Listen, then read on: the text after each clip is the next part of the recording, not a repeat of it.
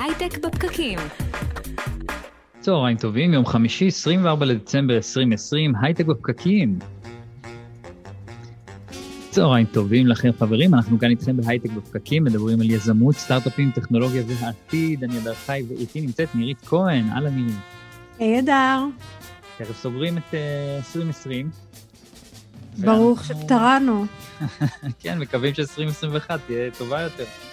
תהיה, מש... תהיה. חייב. כן, אנחנו בטוח.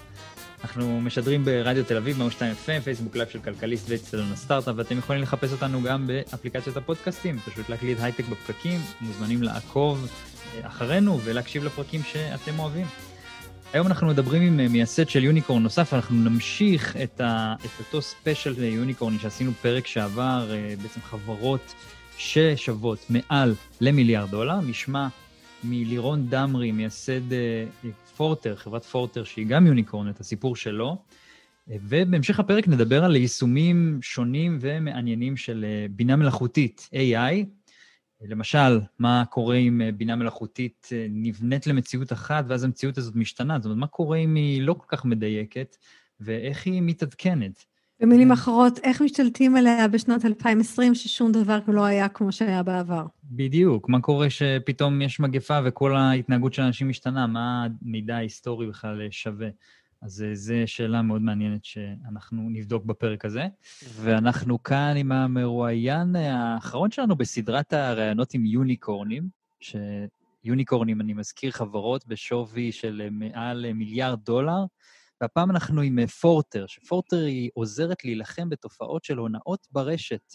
נמצא איתנו כאן אה, לירון דמרי, מייסד, שותף ונשיא. אהלן, לירון. אהלן, שלום אדר, שלום נירית. אז, אז קודם כל, מזל טוב, אתם יחסית אה, לא מזמן, נכון? נכנסתם למועדון היוקרתי של, אה, של היוניקורנים, אז זה כבוד גדול. נכון, חודש במועדון. חודש, וואו. לא, חודש זה כבר, אה, זה כבר מזמן, בטח הצטרפו עוד כמה. מאז כן, יש עוד לפחות חמש חברות. וואו, מדהים. אז, אז ספר לנו רגע בקצרה מה זה פורטר, מה, מה אתם עושים? הגדרתי אתכם נכון? כן, בהחלט. פורטר היא חברה בת שבע, שנלחמת בהונאות אשראי באינטרנט, זה אומר שאנחנו עוזרים לסוחרים אלקטרונים להסתכל על העסקאות ולקבל החלטה על האם אנחנו מעוניינים לאשר עסקה או לדחות עסקה בזמן אמת. Mm.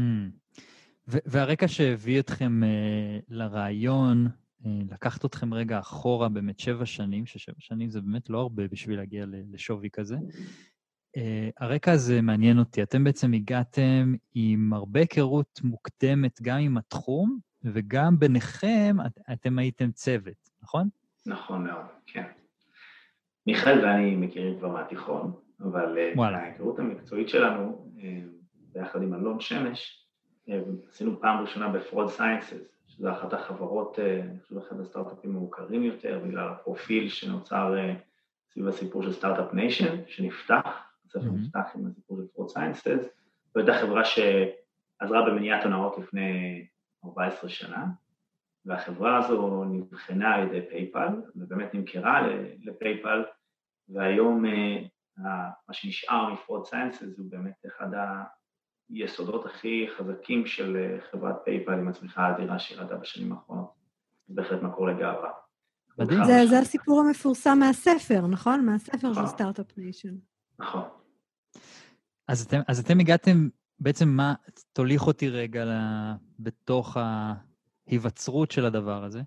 כן, אז אנחנו ב-2008 נמכרים לחברת אה, PayPal, ואנחנו מרגישים שהגענו לתאגיד ענק. ו... ו... ואני שואל את ה-SVP של PayPal, תגיד, איך, איך עושים את זה בתאגיד ענק? והוא מתפקע מצחוק, כי הוא אומר, אה, אני בא מ-Citibank, אני מכיר 500 אלף עובדים, יש פה איזה סטארט-אפ קטן שקנה סטארט-אפ קטן אחר, אז, אז קל להבין שמבחינתנו ההבנה של מה זה scale ומה זה גודל, זה היה פעם ראשונה ב-PayPal. הבנו מה זה אומר לעבור מלטפל באלף עסקאות ביד, אה, ללנסות להיות רלוונטיים בשבעה מיליון עסקאות ביום, עם אה, מאות PhDs מסטנפורד שעושים מה שאתה אמור לעשות. אני חושב שלקח לנו המון המון זמן, הרבה שוק אה, בדרך, ואחרי שלוש שנים, במסגרתם גם עברתי לגור בסן חוזה ב-headquarters של PayPal, למדנו שלא רק שהבעיה קיימת ב-PayPal, אלא הבעיה ממשיכה להיות גדולה אפילו יותר עבור סוחרים אונליינים. כי PayPal מטפלת ב-18% מעסקאות של אנשים שבוחרים לשלם ב-PayPal, אבל עבור 82% מהעסקאות עדיין הסוחר נאלץ להחליט לבד האם לקבל עסקה או לא לקבל עסקה. Mm. זאת אומרת, אתם לקחתם את אותה בעיה שהייתה שם, ופייפל אה, פתרו אותה כבר אצלם בתוך המוצר, ואמרתם, טוב, בואו ניתן את הפתרון הזה גם לכל השאר. נכון, נכון, ובואו אנחנו ניתן אותו היום מתוך תפיסה של עידן חדש, שבו אנחנו כבר לא מדברים על אה, מודם אחד, מחשב אחד ואינטרנט קפה, אלא על סביבה שבה אה, אנחנו מדברים על שלושה דיווייסים לאדם, שלושה מכשירים לאדם, סביבה הרבה יותר מורכבת, מצד שני יכולות הלמידה השתפרו באופן דרמטי, ואל המציאות הזאת Forter אה, נכנסה, ולזה היו כבר. ספר לנו עוד. שזה אגב, זה, זה כאילו כל הביזנס מודל של PayPal יושב על הקונספט של אמ, אל, ת, אל תדאגו עליי, נכון? זאת אומרת, אני כלקוח שאני לא אדאג, שלא יגנבו לי את הפרטים, ואני לא נתתי אותם בשום אתר, והסוחר לא ידאג, כי PayPal בדקה גם אותי, וזה בעצם, אתה אומר, אני נכנס פה לפתרון ש... אני נותן את ה-safety net הזאת גם בלי PayPal. נכון, אני חושב שאחת התופעות שאנחנו רואים בהמון המון תעשיות, יש חברות שמגיעות ומנסות לפשט תהליכים ולעשות איזושהי אגרגת, איזשהו שילוב של לומר, לא משנה באיזה אמצעי תשלום תבחר, אנחנו נספק לך את הביטחון, אנחנו נאפשר לך את היכולת להמשיך ולסחור. בסופו של דבר הבחירה של האם לשלם או בארנק אלקטרוני כמו PayPal או ב-Apple Pay וכדומה, אה, ניתנת ללקוח. בעצם בזה מאפשרים המון המון חופש והמון המון גמישות לסוחרים אלקטרונים. לא צריך לדבר מן הסתם אחרי עולם של קורונה, אז אנחנו מדברים על המון המון צורך בגמישות, שפתאום נכפה על המון סוחרים להיכנס לתוך העולם, האלקטר... העולם האלקטרוני ולממש עסקאות בכל מיני דרכים שהם לא דמיינו בכלל. והנה פתאום צריך אותנו אפילו עוד יותר. נכון, בדיוק. האמת היא ש, שאני, מעניין אותי הפרספקטיבה, ושנייה אחת אולי סוגריים על התוכן. אז, אז אי שם בעבר עברת את החוויה של אה, אקזיט, אה, לא הייתם מאוד גדולים, נכון? נכון. בשלב ההוא. אה, נכון. כמה הייתם? היינו, אני חושב, כמה עשרות, ונמכרנו ב-169 מיליון דולר, והרגשנו ממש okay. אוקיי. ממש טוב עם עצמנו. אה, יפה, והנה אני איקס שנים אחרי זה, ופתאום אני... אה, אה, מאוד גדול, חברה גדולה, ו unicorn, סטטוס אחר. איך, אה, איך, זה, איך זה קרה באמת, אה, המעבר מלהיות אקזיט ללהיות unicorn? איך זה מרגיש? ומה זה שונה? מה עשיתם אחרת? בחירות אולי של אחרת? אז כמובן שהייתי רוצה לקחת את הקרדיט ולומר אה, שזה, שזה משהו שהוא נהדר בי. אני חושב שהסיפור הוא סיפור של תעשייה שלמה שמתבגרת, ואני חושב שזו תעשייה שלמה בישראל ש, שהייתה חייבת לעבור את התהליך הזה, ממש כמו שאני אה, עברתי אותו ככה בקטן, זה תהליך שבו אנחנו קודם כל חושבים שהעולם אה, מתחיל מפתרונות טכנולוגיים מגניבים, זה מה שקורה בעשור הראשון של, אה, של הבום של ההייטק הישראלי, מאז 2000 עד 2010, אנחנו מאוד מאוד ממוקדים בטכנולוגיה, אנחנו מאוד מאוד עוסקים בזה שהטכנולוגיה תהיה הטכנולוגיה הטובה בתחומה. ואז עם התהליך של רכישה לתוך עולם כמו פייפל, פתאום אתה מבין שכדי לייצר אפקט בארגון גדול, המון המון היבטים שלא חשבת עליהם, נכנסים לתוך, אה, לתוך המשחק. אתה צריך להיות מסוגל לעבוד עם אנשים בביזנס, אתה חייב להיות מסוגל להסביר למה הביזנס קייס שלך, הסיפור, מוצדק כדי לקבל משאבים, כדי לקבל השקעה, ו- וככל שאתה לומד איך לייצר אימפקט בארגונים גדולים ואיך לייצר אימפקט שניתן לשחזר אותו, פתאום אתה מבין שהסיפור הוא לא הטכנולוגיה, הוא ליכולת לייצר עסק, עסק גדול שגדל לאורך זמן ושיש לו גם הצדקה במספרים ולא, ב, לא, ולא בביטים, אני לא איש טכנולוגי. זאת אומרת, זה, זה לא רק מה אני יודע ל- לעשות מבחינת הטכנולוגיה, זה גם בשביל מה צריך אותה, מה יעשו איתה.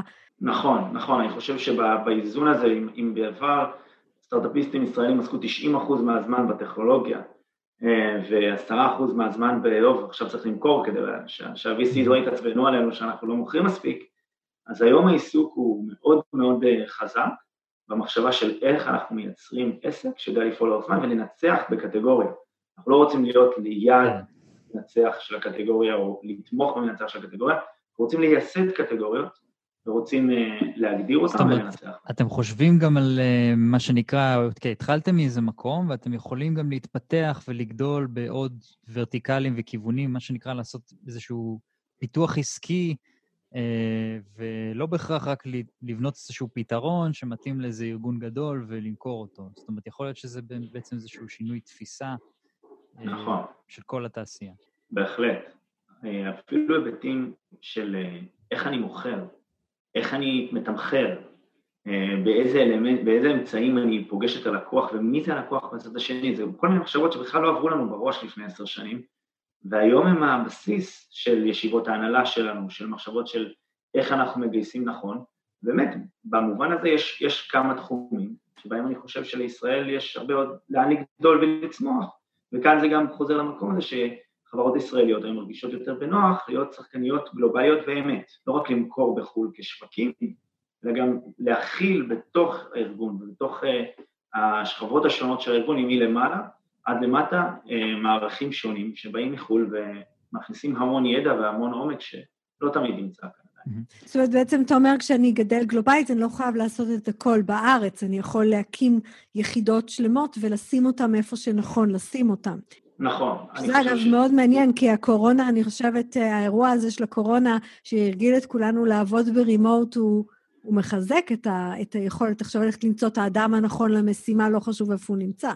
אין ספק. אנחנו כחברה, אני חושב אחד הדברים הכי חשובים ב-DNA שלנו זה שאנחנו מאוד מאמינים באובייקט, באלמנט האנושי, הקפדנו להיפגש ביחד.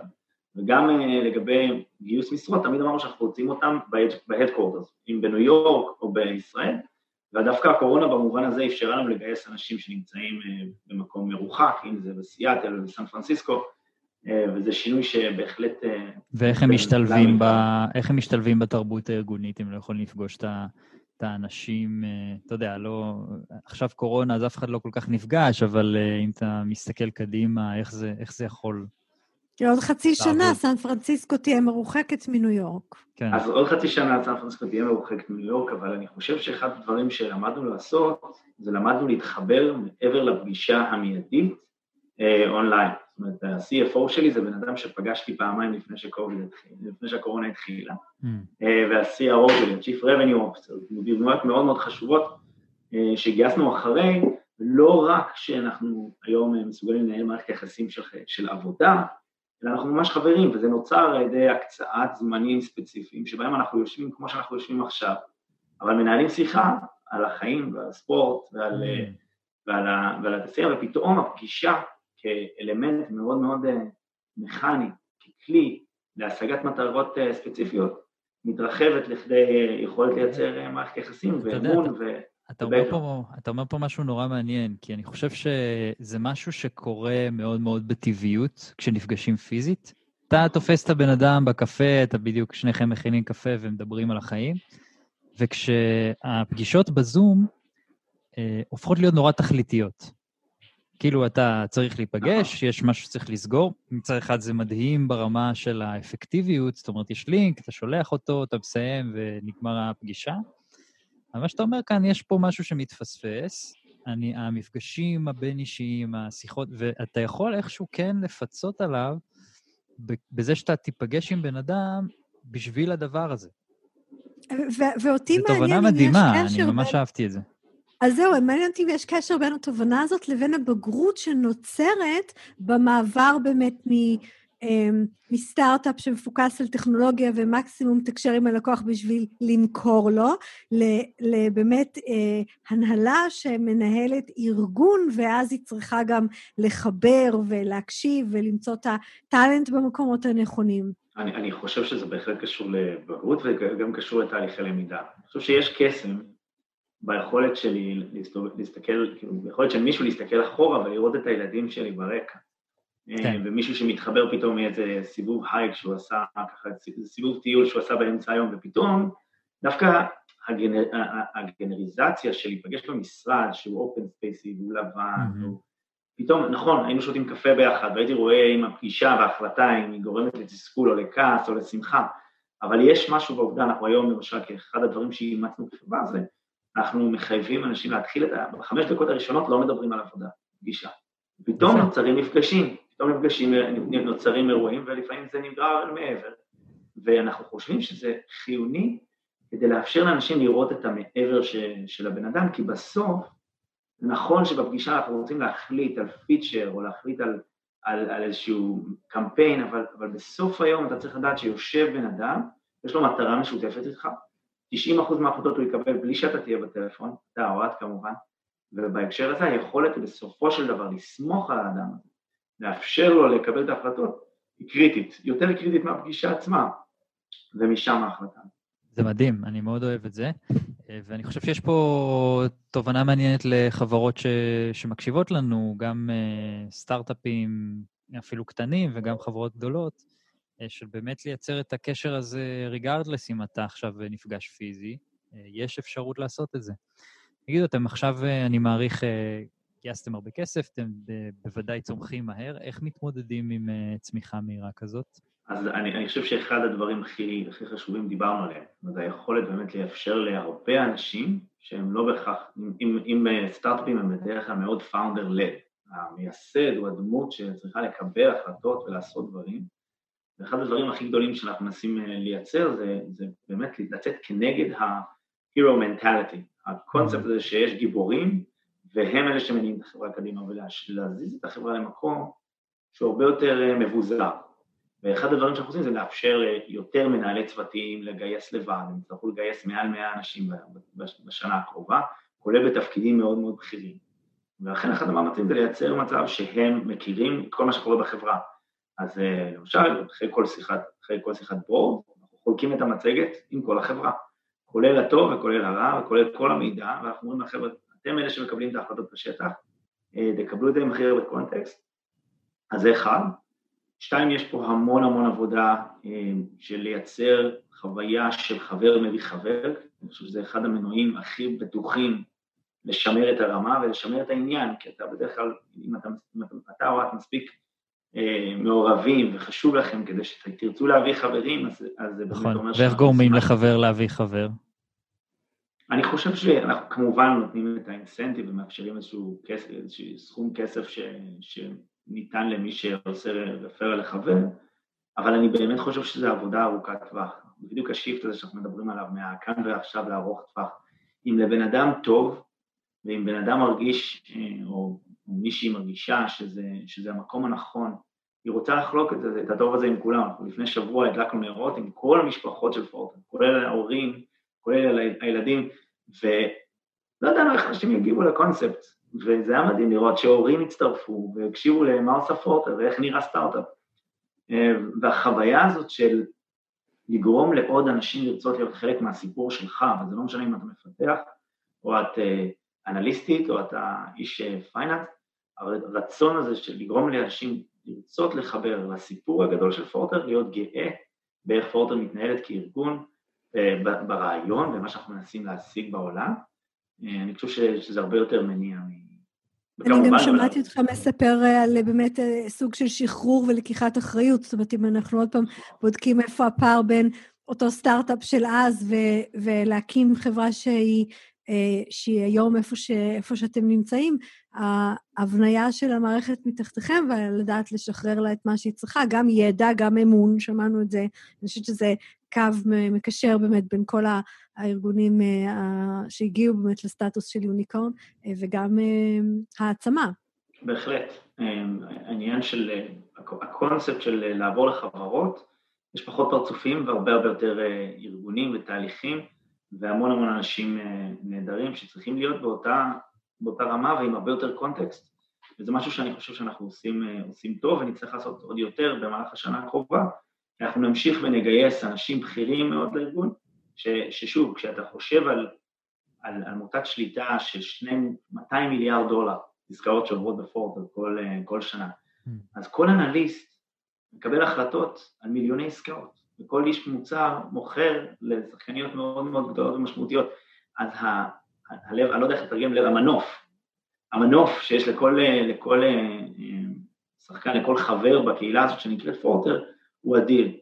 אה, ולכן העניין הזה של העצמה הוא, הוא ממש נשמת אפנו, אנחנו לא יכולים בלי, כי אי אפשר, אפשר למשוך יותר. יפה. לירון דמרי, מייסד, שותף, נשיא פורטר, תודה רבה שהיית איתנו, ואחלה יום. אדר, הייתה תוך הסדרה בעצם מרתקת של, אה, של יוניקורנים כן ירבו. אה, מה, מה למדת? איך, אה, אני יודעת שאתה בימים אלה מתחיל ככה שלבים ראשונים של סטארט-אפ, איך, איך עכשיו אנחנו יודעים להיות יוניקורן? האמת שמה שמעניין שאין אין, סיפור אחד. זאת אומרת, זה כל, כל חברה התחילה ממשהו קצת אחר, מישהו שהגיע דווקא מ... מעולם התוכן והם הגיעו כצוות אורגני ונכנסו לתוך, uh, לתוך פעילות, uh, מישהו אחר שפשוט גם צבר uh, הרבה ניסיון וכבר התחיל בסערה.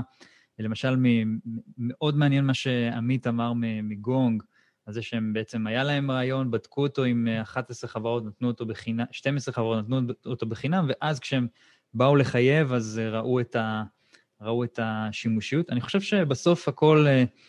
מתחיל ונגמר מזה שאתה בונה משהו שאנשים באמת באמת צריכים, אה, וברגע שהקסם הזה קורה, אז הדברים מתחילים לזוז נורא נורא מהר. וזה בעצם אה, כל האתגר פה. כל אתגר הוא לעשות ניסיונות, לראות אם זה עובד, זה, זה יכול להתחיל ממפית ועט, לכתוב כל מיני דברים, ואז פתאום זה הופך להיות משהו ענק, וזה מדהים לשמוע את הסיפורים האלה.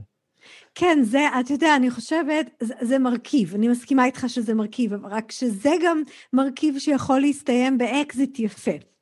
נכון. אני חושבת שכשאתה מסתכל בעצם על יוניקורנים בחלק אה, אה, גדול מהסיפורים, אתה מתחיל לראות את המרכיבים הנוספים של, אה, שבאמת של, של לרצות לייצר איזשהו ארגון סביב זה, של תרבות, של איזשהו ערך נניח מוביל, האופן שבו חושבים על, ה, נכון, על נכון. הצמיחה אני הזאת. חושב, אני חושב שזה גם עניין תרבותי קצת שהשתנה אצל כולם, שילוב של גם של הכסף שנכנס פה, זאת אומרת, יש הרבה יותר... כסף זמין, אז, אז הרבה חברות, בעצם חברות שמגייסות הרבה כסף לפי שווי מתאים, בעצם הופכות להיות uh, חברות ששוות מעל מיליארד דולר. Uh, זאת אומרת, אני חושב שיש פה גם איזשהו שינוי שהוא, שהוא, שהוא בכלל תרבותי בכל מה שקורה באיך שאנשים תופסים את, ה, את הנושא, כבר לא בהכרח מחפשים את האקזיט המהיר, אלא חושבים איך לפתח עסק, איך לפתח פעילות עסקית שמתרחבת לעוד ועוד מקומות, ומתחילה מאיזה משהו אחד, ולאט לאט מגדילה, או מהר מהר במקרה הזה, מגדילה את, ה, את הפעילות. גם זה היה באמת מעניין, הפרספקטיבה ששמענו אותה גם, ש, שזה אולי סוג של התבגרות של התעשייה. ש, נכון.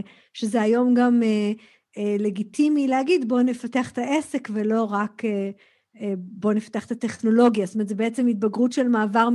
אנחנו רק טכנולוגים, יש לנו טכנולוגיה מעניינת, יש לנו מוצר, יש לנו use case, יש לנו business case, ואנחנו רוצים לצמוח איתו. נכון, לגמרי.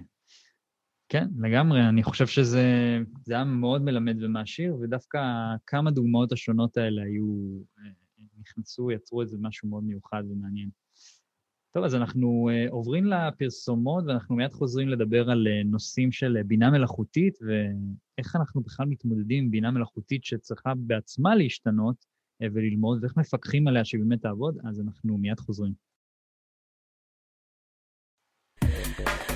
הייטק בפקקים. הייטק בפקקים, חמישי בשעה 12, 102 FM, חזרנו, ואני מזכיר שאנחנו נמצאים גם בפודקאסטים. אתם יכולים לכתוב הייטק בפקקים ויכולים למצוא את הפרקים. ונמצא איתנו דן כהן מטרסקאי, אה, שבא לדבר איתנו על AIOps, בינה מלאכותית בתחום המחשוב.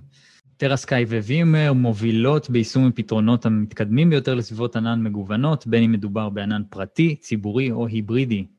דן, אהלן. אהלן, מה שלומכם? בסדר גמור, אה, ובפרק הקודם אני זוכר שאתה סיפרת לנו מה זה אה, AI-Ops, שזה בתכלס בינה מלאכותית בעולם של המחשוב הארגוני, עדיין אה, תחום שלא כל כך מפותח ואנחנו רוצים להבין ממך יותר עליו. איך הוא בכלל עוזר לארגונים? אוקיי, הבנו מה זה, הבנו שזה עושה לך את החיים יותר קלים כאיש מחשוב. למה זה צריך לעניין אה, ארגון, ואיך זה יכול לעזור לארגונים שמקשיבים לנו?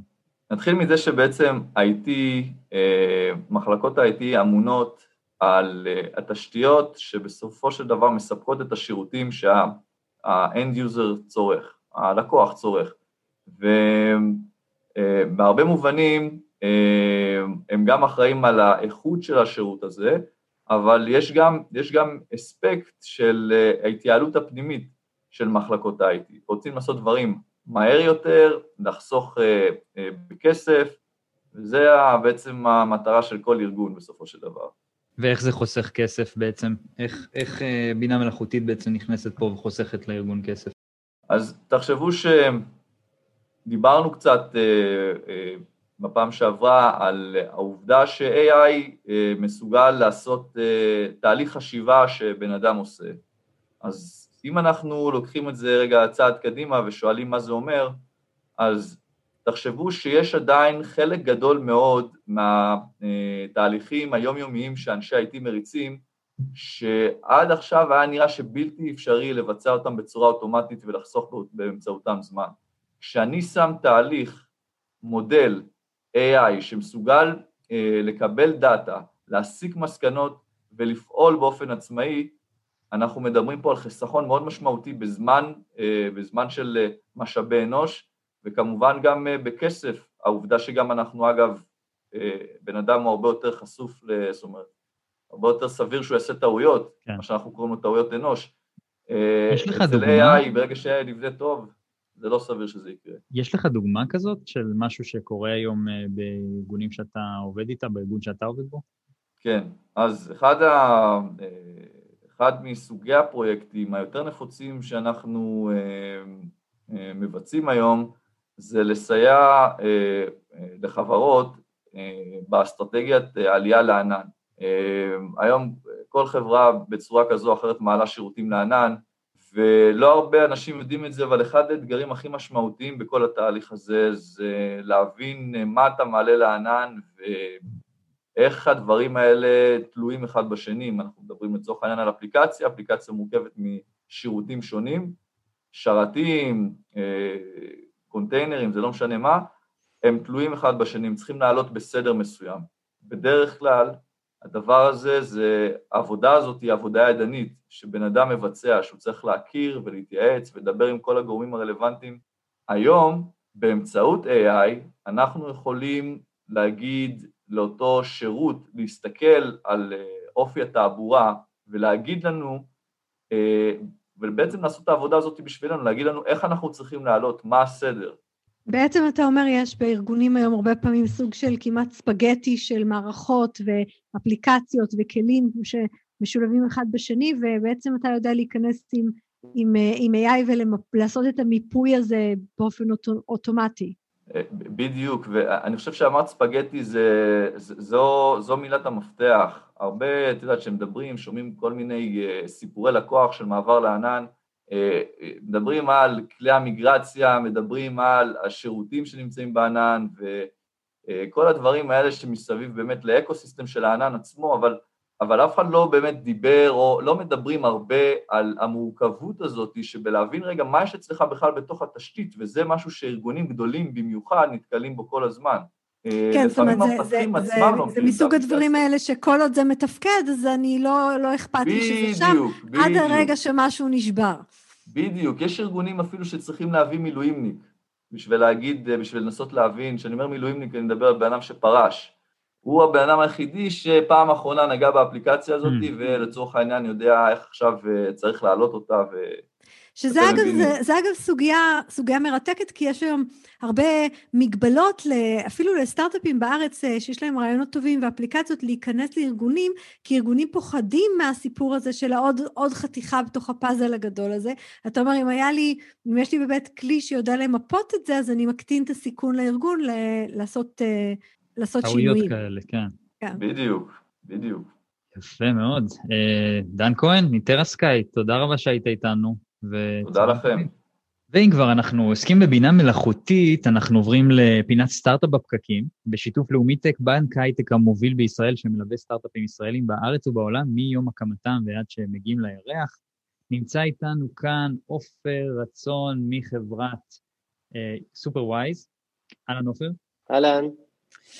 אה, עופר, תגיד, אתם עוסקים בבינה מלאכותית שהיא מתעדכנת, זה מה שאני הצלחתי ככה להבין.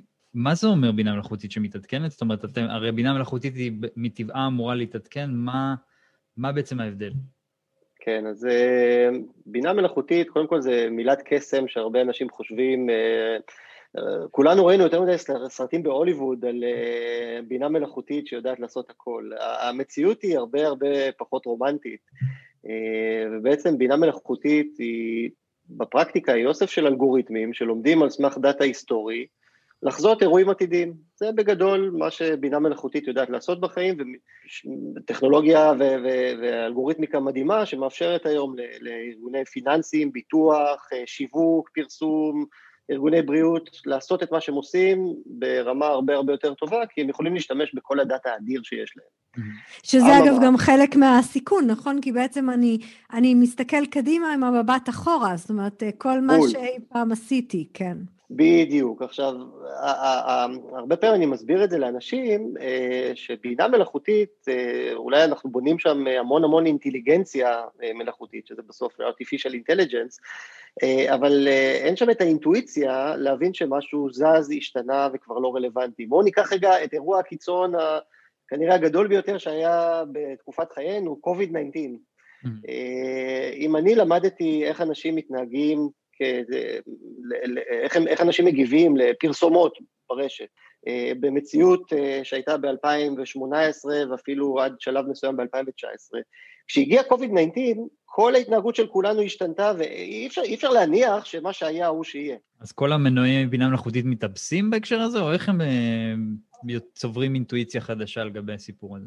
וזה בדיוק הדבר היפה, שמנועי בינה מלאכותית, אין להם את האינטואיציה להגיד, עצור, משהו פה נראה לי שונה, חריג, משהו פה לא מסתדר לי. מנועי בינה מלאכותית, כמו רובוטים, יודעים לעשות, יקבלו קלט ויוציאו פלט. הם, אז הם אתה אומר, הם, הם ימליצו לנו משהו שהוא כבר לא רלוונטי לשינוי שנוצר, אז איפה אתם נכנסים? או, אז רגע, עכשיו רק תדמייני שהמשפט הזה שאמרנו, COVID-19 היה אירוע כזה משמעותי שכולנו שמנו לב, במציאות העסקית היומיומית של ארגונים שמשתמשים בבינה מלאכותית לשיווק, או לאשר הלוואות, או לזהות fraud, או להמליץ לחולים על תרופות, ונמשיך את הרשימה, אפשר כנראה למלא את כל הפרק בעוד ועוד ועוד מקרים כאלה. תחשבי איזה סיכון אדיר יש שדברים לא כאלה משמעותיים, דברים אולי קטנים יותר יזוזו. עכשיו, אנחנו, אנחנו מכירים נכנסים... את זה מהעולמות של ה bias, ש... של הבינה המלאכותית, יש את אותו bias שיש לבני אדם, למרות שכאילו אנחנו אומרים בוא נשים רובוט, אז הוא יעשה את זה יותר טוב. הוא יעשה את זה יותר טוב, אבל הוא גם עושה את זה אוטומטית, ועכשיו אנחנו לא רוצים יום אחד להתעורר ולגלות שיש בעיה, ו- וכאן נכנס בדיוק אחד הפערים שלהרבה אנשים הוא נראה, אנשים שואלים אותי, מה? אין את זה בבינה מלאכותית? והתשובה היא לא, אין לבינה מלאכותית היכולת לעצור ולהגיד, רגע, אני כרגע עובד על משהו שלא נראה כמו מה שלמדתי עליו. Mm-hmm. ו- ומישהו צריך לעשות, במילים הפשוטות, מישהו צריך לבוא ולהיות הבייביסיטר הזה, ש once uh, uh, בנינו אלגוריתמים של בינה מלאכותית ונתנו להם עכשיו לקחת החלטות קריטיות, מישהו צריך לשמור עליהם. עכשיו, בעולם התוכנה המסורתי אנחנו רגילים לעשות monitoring לשרתים, ל services, ל website שלנו, לחוויית משתמש שלנו, אנחנו רגילים לעשות את זה. אז איך זה באמת קורה? זאת אומרת, איך אתה בעצם לוקח מערכת שעובדת לצורך העניין על אוטומט, מזהה שקרה משהו ועכשיו צריך להתערב? או, הדבר הזה בעולם של בינה מלאכותית היא בעיה קשה מאוד, אלגוריתמית. Mm-hmm. ופה בדיוק אנחנו נכנסים לתמונה. כשאנחנו הקמנו את החברה לפני uh, שנתיים פלוס, uh, העולם עוד לא ממש, רוב העולם עוד לא ממש התחיל להשתמש בבינה מלאכותית וכולם היו עדיין עסוקים בבנייה. לאורן ולי, כשהקמנו את החברה, היה ברור שאנשים יתחילו להתמודד עם הקשיים האלה כשהם יתחילו להשתמש באמת בטכנולוגיה, ובנינו אלגוריתמיקה ובנינו מנועים מאוד מאוד חכמים שבעצם לומדים איך נראית התנהגות תקינה של בינה מלאכותית, של המודלים האלה שלך, ורק מעצם זה שהם מסתכלים על מה נכנס, מה יוצא, איך ההתנהגות של המודלים האלה נראית, יודעים כבר בזמן אמת להגיד, עצור, משהו פה נראה חריג, שונה, מתפתח פה bias, האלגוריתמים שלך עובדים כרגע על דאטה שהם לא רגילים לעבוד עליו ולכן יהיו פה טעויות, ויש לנו case study... פיתחתם אל, אלגוריתם לזיהוי, אה, הטיה של אלגוריתם בעצם. כן, אנחנו, ברמה השיווקית לפעמים אנחנו קוראים לזה AI for AI, כן? אבל זה, זה קצת פשטני, זה קצת פשטני להגיד את זה. זה Buzzword בתוך אה, Buzzword. בגלל שאנחנו בסוף, אה, כן, אנחנו... אבל זה הסבר פשוט להסביר את כן, הדבר כן, הזה. כן, כן, לא, זה, זה די מה שזה. ובעצם אנחנו עוזרים לארגונים לשמור על המודלים שלהם, שימשיכו לעבוד כמו שהם אמורים לעבוד, ואם משהו זז ומשהו משתנה, לתפוס את זה מיד. מאנדיי.קום, uh, uh, לקוח, uh, חברה מדהימה, והם לקוח שלנו, mm-hmm. לא מזמן פרסמנו איתם case study, הם, הם משקיעים המון המון כסף כל חודש בפרסום. שמבוסס אלגוריתמים של בינה מלאכותית. Mm-hmm. עכשיו, הזמן שהיה לוקח להם להבין שהמודלים האלה של הבינה המלאכותית שמחליט למי לפרסם, כמה לפרסם וכולי וכולי, היה לוקח להם כמעט חודש לגלות את הבעיה, כי זה הזמן שבביזנס היו שמים לב שמשהו פה לא, לא נראה כמו שהם חזו. אה, כשהאלגוריתמים חזו, חזו ולקחו החלטות, הייתה ציפייה לקונברז'נים כאלה, mm-hmm. ופתאום אחרי חודש רואים שהקונברז'נים לא מגיעים. עכשיו, אין סיבה לחכות חודש ולגרום לכל הנזק הזה לעשות. אנחנו היום יודעים להצביע עליהם כבר באותו יום, כבר בזמן אמת, שיש בעיה, יש שינוי, משהו זז, והם מיד מתקנים את זה, ויש פה עכשיו איזה אפקט אדיר, כי מעבר לזה שאנחנו עוזרים לאלגוריתמים האלה להיות יותר טובים, ולפעילות השיווקית להיות יותר טובה, גם יורד כל מפלס החששות של כל מי שמעורב. אתם יודעים כמה פחד יש לאנשי ה business מזה שפתאום אלגוריתמים לוקחים בשבילם החלטות? Mm-hmm. אז בשיווק זה אנשי השיווק, בעולם של הלוואות זה אנשי ה risk וה compliance, אה, בעולם של fraud זה מי שאחר... ופתאום אנשי ה business... אני יכולה לדמיין את כל העולמות של הגיוס, של המיון של הקורות חיים, של המועמדים, זאת אומרת, יש שם אה, סיפורים אה, הרבה, הרבה מערכות AI נפלו כי בעצם אה, הכניסו את, את ההיסטוריה ואת הבעיות לתוך המערכת סינון. ממש. אבל, אה, אבל בעצם האלגוריתם ו- שלך, עופר, הוא גם, הוא גם בסוף אלגוריתם. כלומר, איך אתה מוודא שאתה, שאתם בעצמכם אה, יודעים לזהות את הדברים בצורה הנכונה, זאת אומרת, אני, אני אולי, אולי השאלה שלי יותר היא על, ה, על התהליך ועל הדברים, ש, על, ה, על החריגות שגורמים לכם לזהות ולהגיד, וואלה, יש פה, זה אולי באמצעות דוגמה מסוימת. כן, אז, אז בעצם אז אני, השאלה שאתה שואל היא שאלה מאוד נפוצה, אם אנחנו שומרים על אלגוריתמים, מי שומר עלינו? Mm.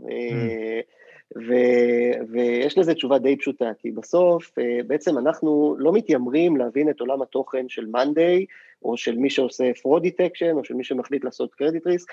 בעולם הבינה המלאכותית יש אוסף די מוגבל בסוף של סוגי החלטות שאלגוריתמים יודעים לקחת. Mm-hmm. הם יודעים לעשות חיזוי של רגרסיה, או של קלסיפיקציה, להגיד שחור לבן, אה, אה, לאיזה קלאס אתה שייך. והאוסף הזה הוא אוסף די, די מצומצם של אה, סוגי בעיות, שאנחנו ממש מתמקדים על כל סוג בעיה כזאת, אנחנו מתמקדים, והבעיות, לא משנה אם זה use case של שיווק, או של אה, אה, אה, פרסום, או של מכירות, או של whatever, אוסף הבעיות שיכולות לגרום לאלגוריתמים לסטות מהמסלול התקין שלהם הוא אותו אוסף של בעיות. ואנחנו מתמחים בזה, והאלגוריתמים שלנו יודעים לחפש את הדברים האלה, ולכן המרחב טעות שלנו הוא הרבה... את הסימנים המקדימים, אתה בעצם אומר, אני מתחיל לזהות הסימנים המקדימים שה data יתחלף מחתולים לכלבים, ואני בעצם צריך עכשיו...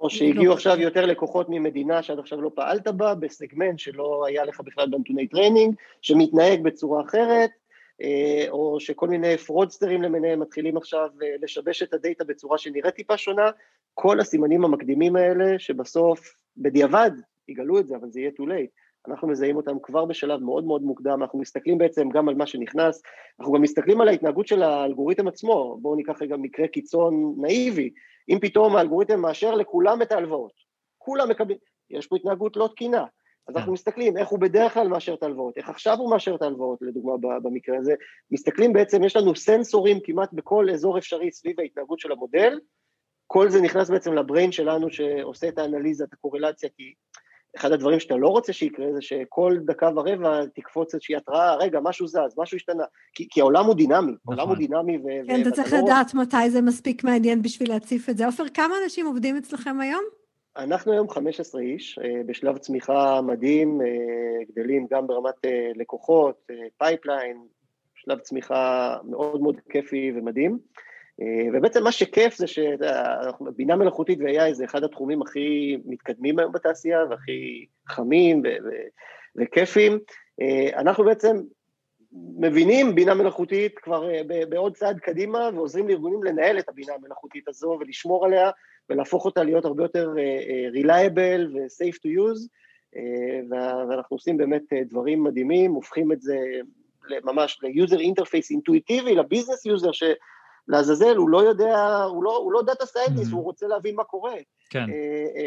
עושים המון אוטומציה, באמת עשייה מדהימה. אתה רואה הרבה עולמות תוכן שנעזרים בהם בבינה מלאכותית. אה, תן לנו קצת דוגמאות, דברים שאנשים משתמשים בהם. הזכרת פרסום, איפה עוד בינה מלאכותית יכולה אה, לתת ערך, איפה אתה רואה שארגונים משתמשים בה בצורה מאוד מאוד טובה? יש לך יד, יד טובה לדופק בהקשר הזה. כן, אז אה, קודם כל האזורים שבהם הכי הרבה משתמשים היום בעולם בבינה מלאכותית הם קודם כל בעולמות של שיווק, שיש הרבה mm-hmm. מאוד דאטה והרבה מאוד החלטות שלוקחים. פרסום זה דוגמה לזה, ניהול לידים זה חלק מהדוגמה, יש לנו לקוחות בתחום הגיימינג שמחזיקים עשרות מיליוני משתמשים פעילים כל יום mm-hmm. והם כל הזמן צריכים להבין איזה לקוח אולי ינטוש ואיזה לקוח יש לו פוטנציאל ואולי צריך לקדם לו איזשהו משהו. יש המון שימוש בבינה מלאכותית אה, כדי לנהל את כל מה שנקרא את ה-customer lifetime value כן. משלב המכירה וה-acquisition עד שלב ה-churn ואפילו ה-winback. אה, אז בכל העולם הזה יש הרבה מאוד שימוש בבינה מלאכותית, יש הרבה מאוד שימוש בבינה מלאכותית אה, אה, בעולמות של Customer Support, Customer Care, צ'טבוטים, הרבה מאוד שימוש היום אנחנו רואים בעולמות של Computer Vision שנכנס וגם בעולמות הרפואה, בעולמות האבטחה, אבל בעצם מה שיפה זה שכמעט בכל תחום, אה, יש היום הרבה מערכות HR שמתחילות להיות יותר חכמות מגיוס עובדים ועד onboarding אה, שלהם ושימור עובדים, אה, כמעט כל תחום שעד עכשיו אנחנו כבני אדם ידענו לנהל תהליכים עסקיים בו, בינה מלאכותית תדע להיכנס ולעזור לנו לעשות אותו יותר טוב ויותר יעיל ויותר מדויק. רק שצריך לעשות את זה נכון. אה, שוב, בעולמות התשלומים, בעולמות הפיננסיים, אה, risk, אישור הלוואות, אה, ניהול השקעות, זיהוי של fraud, זה גם אזור מאוד מאוד מאוד עשיר בבינה מלאכותית, כן. ויש פה אפילו לא מעט עשייה כזו בארץ. נכון, נכון, בדיוק דיברנו לפני רגע עם סטארט-אפ שעוסק ב-fraud ב-e-commerce, מסחר כן. אינטרנטי. יפה. עופר רזון מ-Superwise, תודה רבה שהיית איתנו, ואחלה יום.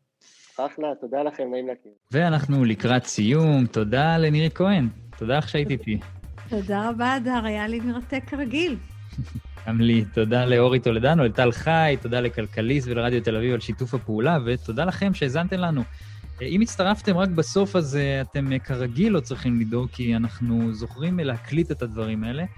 אה, אתם יכולים לשמוע אותנו בכל האפליקציות, אפליקציית רדיו תל אביב, Spotify, SoundCloud, iTunes וכל השאר. חפשו הייטק בפקקים או בפקקים, זה כבר יופיע, ואתם צריכים ללחוץ follow. יש כפתור, נקרא follow, ברוב האפליקציות הוא נקרא ככה, אז תעקבו אחרינו. אנחנו הייטק בפקקים, ימי חמישי, שעה 12, רדיו תל אביב, ואנחנו נתראה בשבוע הבא.